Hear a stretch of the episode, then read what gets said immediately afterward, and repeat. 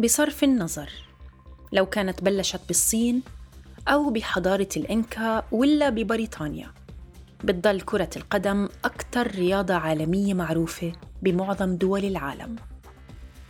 مستحيل تكون مش شايف مباراة بكأس العالم ولا بدوري أبطال أوروبا أو حتى بالدوري المحلي لبلدك.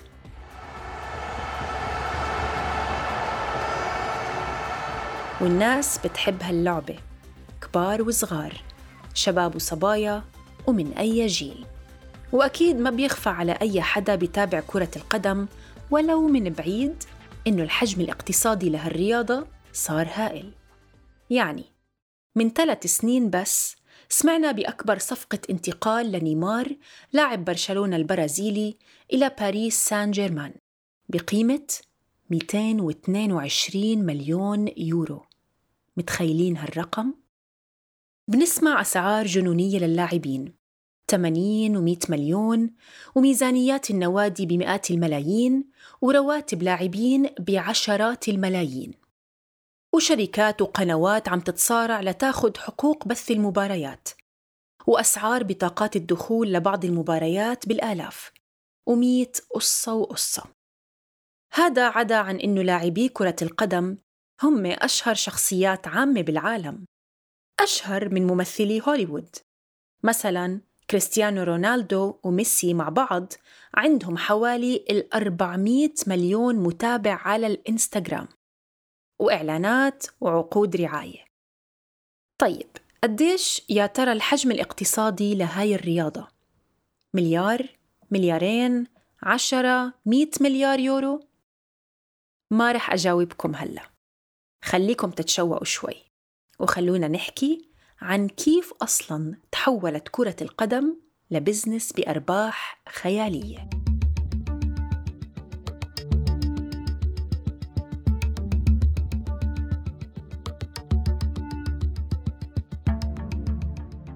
هاي الحلقة الخامسة والأخيرة من بودكاست مختصر مفيد ورح أكون معكم بالتقديم أنا سامي عايش. بهالبودكاست من إنتاج منصة صوت ومنصة إدراك حكينا عن مواضيع متنوعة معارف عامة عن هالعالم اللي بنعيش فيه وحاولنا نقدم لكم مهارات مفيدة للتكيف معه. وبحلقتنا اليوم رح ناخدكم برحلة في عالم الرياضة والمال والأعمال.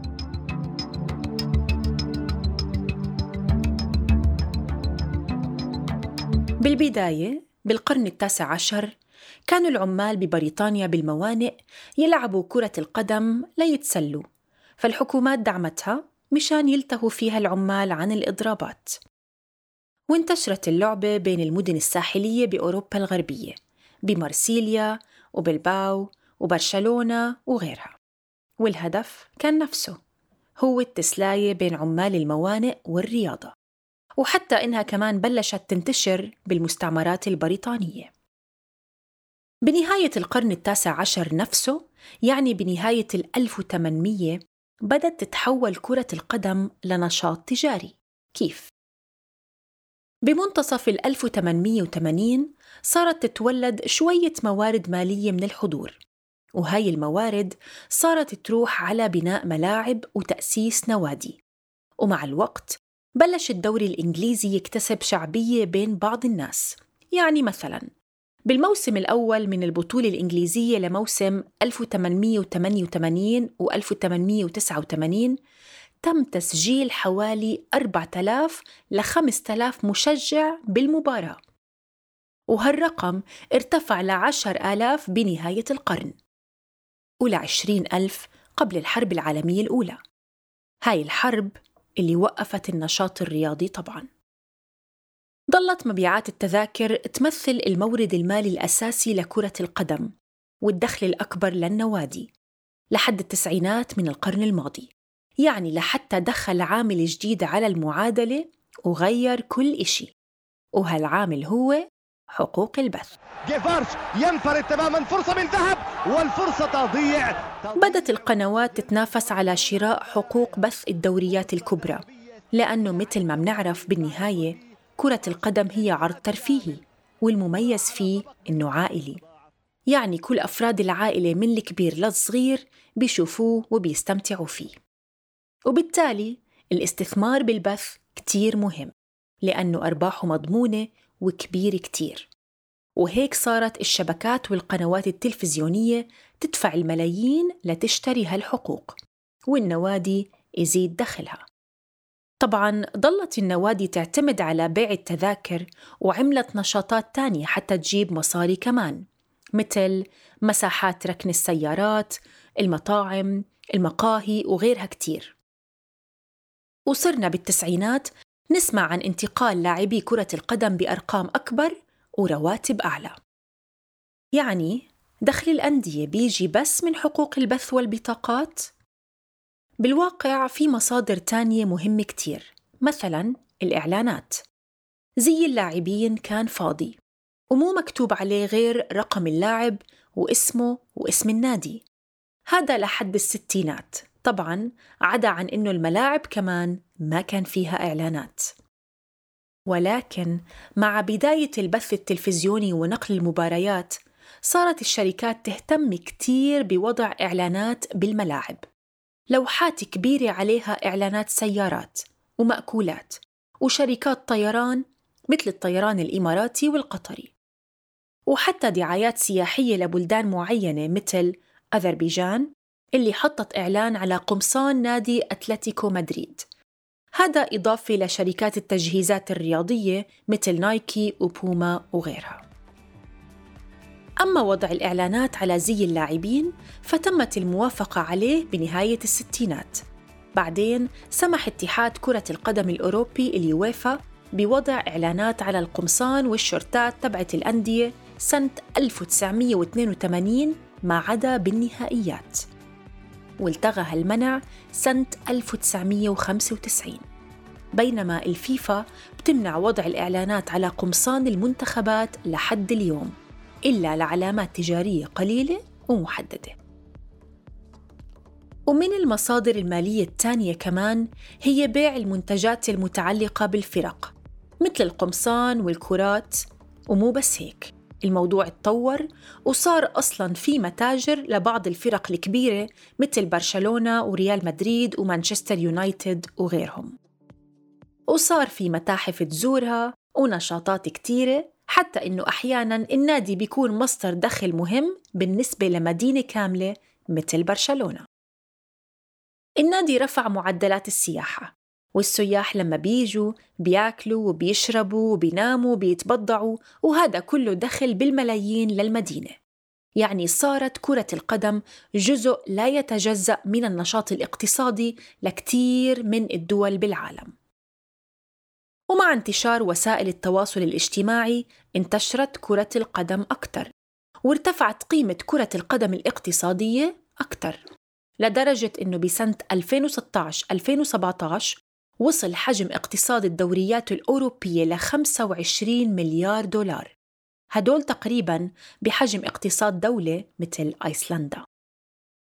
وعلى مستوى الدول إسبانيا مثلاً أعلنت من كم سنة إنه عائدات كرة القدم بتشكل حوالي 2% من الناتج المحلي الإجمالي بما يقارب التريليون ونص دولار وببريطانيا كمان كرة القدم بتشكل عائد مهم للضرائب والدخل المالي للدولة.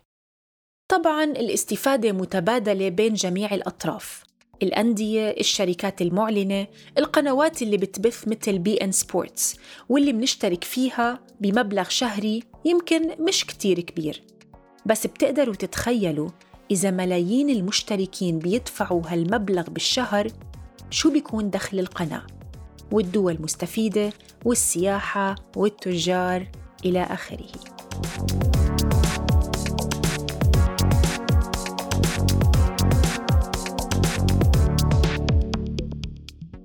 طيب شو بيخلي هالاستثمار كبير لهاي الدرجة؟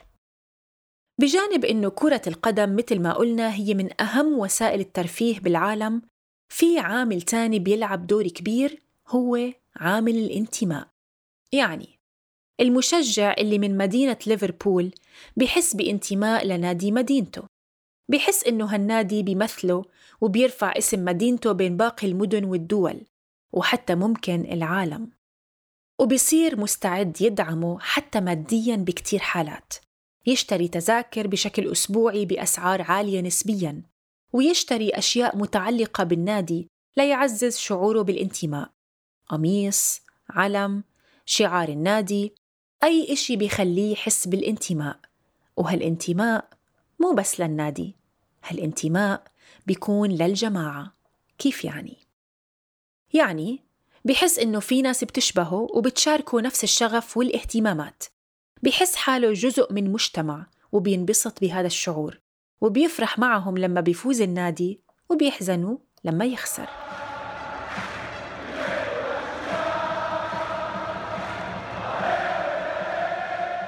وهذا الشيء بالنهاية له انعكاس مالي على النادي لأنه مشاعر الانتماء هي مش بس بليفربول بل منشوفها بكتير بلاد بالعالم من أوروبا للدول العربية وخصوصا مصر مشان اللاعب محمد صلاح المصري واللي بيلعب بنادي ليفربول. كل هالعوامل بترفع القيمة السوقية للنادي بشكل كبير وبتزيد من دخله ومن الأهمية الاقتصادية لكرة القدم. وبما إنه حكينا عن أثر اللاعب على كرة القدم خلونا ناخد مثال أوضح ممكن نحكي عن اللاعب ليونيل ميسي. هلأ إذا كنت بتحبه أو ما بتحبه أو أصلاً مش مهتم ما بنقدر ننكر إنه هو السبب الأول والرئيسي بالحقبة الممتازة اللي عاشها فريق نادي برشلونة بال 12 سنة الأخيرة. وإحرازه لعشرات الألقاب المحلية والأوروبية. بس كيف بترجم هاي الألقاب على المستوى الاقتصادي للنادي؟ هاي الألقاب بتعني مئات ملايين اليوروهات لخزينة النادي. والشهرة اللي بتسببها هاي الألقاب ومن وراها عوامل كتيرة مثل جمالية اللعب وشخصيات اللاعبين وعلى رأسهم لاعب مثل ميسي بتساهم بانتشار اسم النادي والعلامة التجارية تبعته. مما يعني ارتفاع كمان بالقيمة السوقية. لهيك منشوف إنه مثلا راتب ميسي السنوي يقدر بعشرات ملايين اليوروهات لأنه القيمة اللي بيضيفها للنادي ماديا كبير كتير. في ناس بتتابع النادي كله مشان ميسي بس. بل أكثر من ذلك في ناس بتتابع الدوري الإسباني أصلاً عشانه. ومن الأساس بدأ يتهدد عرش الدوري الإسباني من وقت خروج اللاعب البرتغالي كريستيانو رونالدو ليوفنتوس الإيطالي بعام 2018 وانتهاء التنافس التاريخي بينه وبين ميسي. بالتالي خروج ميسي من الدوري ممكن يكون له آثار اقتصادية كبيرة على نادي برشلونة وشعبيته بالعالم وعلى الدوري الإسباني ككل. ولهذا السبب بالذات شفنا الصراع اللي صار بين النادي وبين ميسي لما صرح بنيته بالخروج قبل انتهاء عقده. وكيف لعب النادي ورقة بند بالعقد؟ ما بيسمح له يطلع إلا مقابل مبلغ كبير كتير بهاي السنة. وضل ميسي بالرغم من مشاكله مع إدارة النادي. شو منستنتج من هالحكي؟ إنه حجم هالرياضة اقتصادياً بالعالم عموماً وبأوروبا خصوصاً كبير كتير. وهون خلوني أجاوبكم على سؤالنا الأول واللي هو قديش يا ترى حجم هالرياضة الاقتصادي؟ تم تقدير اقتصاد كرة القدم سنة 2013 عالمياً بحوالي 400 مليار دولار و400 مليار دولار بيساووا حجم اقتصاد دولة مثل النمسا أو أيرلندا. وهال 400 مليار طبعا بيتضمنوا كل أنواع الاستثمارات المتعلقة بكرة القدم من منشآت وإعلانات واتحادات كرة وحقوق بث ومسابقات مثل كأس العالم.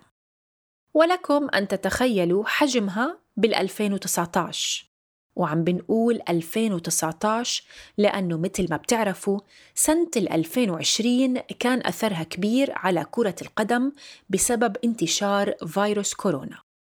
أول إشي وقفت المباريات ووقف البث والإعلانات وبعدين بعد ما رجعت المباريات رجعت بلا جمهور.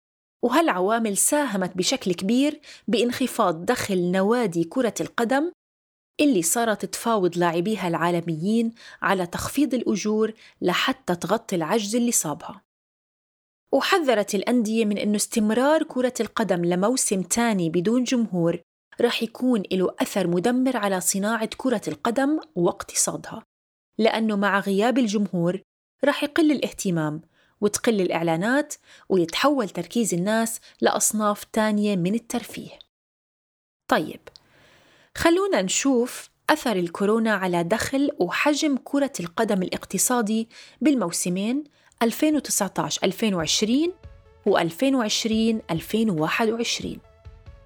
التقديرات بتقول إنه الخسائر بهالموسمين رح تقترب من 4 مليار يورو يعني حوالي 9% من الدخل اللي كان متوقع.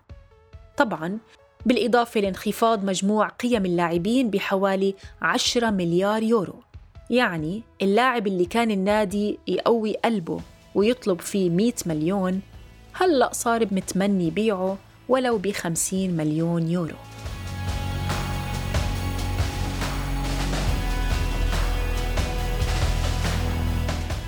يعني مثل ما شفنا صرنا لما بنحكي عن كرة القدم ما منكون عم نحكي عن الساحرة المستديرة والمتعة والخطط والنجوم. عم نحكي عن عشرات مليارات الدولارات حول العالم. وعن نشاط اقتصادي له أثر كبير حتى على هجرة اللاعبين من قارات أمريكا الجنوبية وأفريقيا باتجاه أوروبا. وهالشي بفيد الدول بهاي القارات وبينتج صناعة اقتصادية مربحة. وهيك ممكن تتحول كرة القدم لمشاريع مستقبلية بدول أفقر كمان وأحلام لشبابها وتساهم بتطور اقتصادها عن طريق إنشاء الملاعب والأكاديميات والمعاهد وهذا الشيء اللي شفناه بعدة دول أفريقية وأمريكية لاتينية ولكن وين الدول العربية من كرة القدم وصناعتها؟ بالواقع مع اختلاف مستوى الاهتمام بكرة القدم بين الدول العربية عموما كرة القدم ما تطورت مثل ما صار بباقي الدول أمريكا الجنوبية مثلا أو شرق أوروبا. يعني ما تحولت لصناعة وبزنس احترافي يشكل مصدر دخل كبير للبلد بكتير من الدول العربية. كرة القدم تطورت ببعض الدول وحققت نتائج مهمة على مستوى المنتخبات وعلى مستوى الدوريات.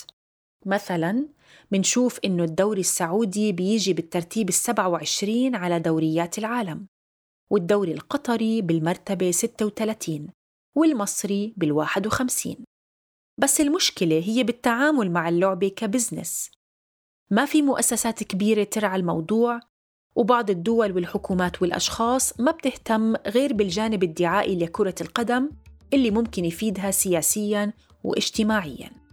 يمكن منشوف إنه التجارب المغاربية أنجح من المشرقية بتصدير اللاعبين للنوادي العالمية وكتير من اللاعبين بيكونوا أصلاً من مواليد أوروبا. وبدول المشرق العربي منشوف إنه الدوريات استهلاكية أكتر يعني بيشتروا لاعبين وما بيصدروا. تطوير كرة القدم كبزنس بيلزمه استثمارات كبيرة بالبنى التحتية واهتمام بالشباب والأطفال. بس منضل متفائلين إنه في محاولات هون وهناك وبنتوقع إنه ببعض الدول العربية رح تاخد كرة القدم شكل استثماري مربح بالمستقبل يتناسب مع عدد المشجعين لهاللعبة الساحرة بالمنطقة.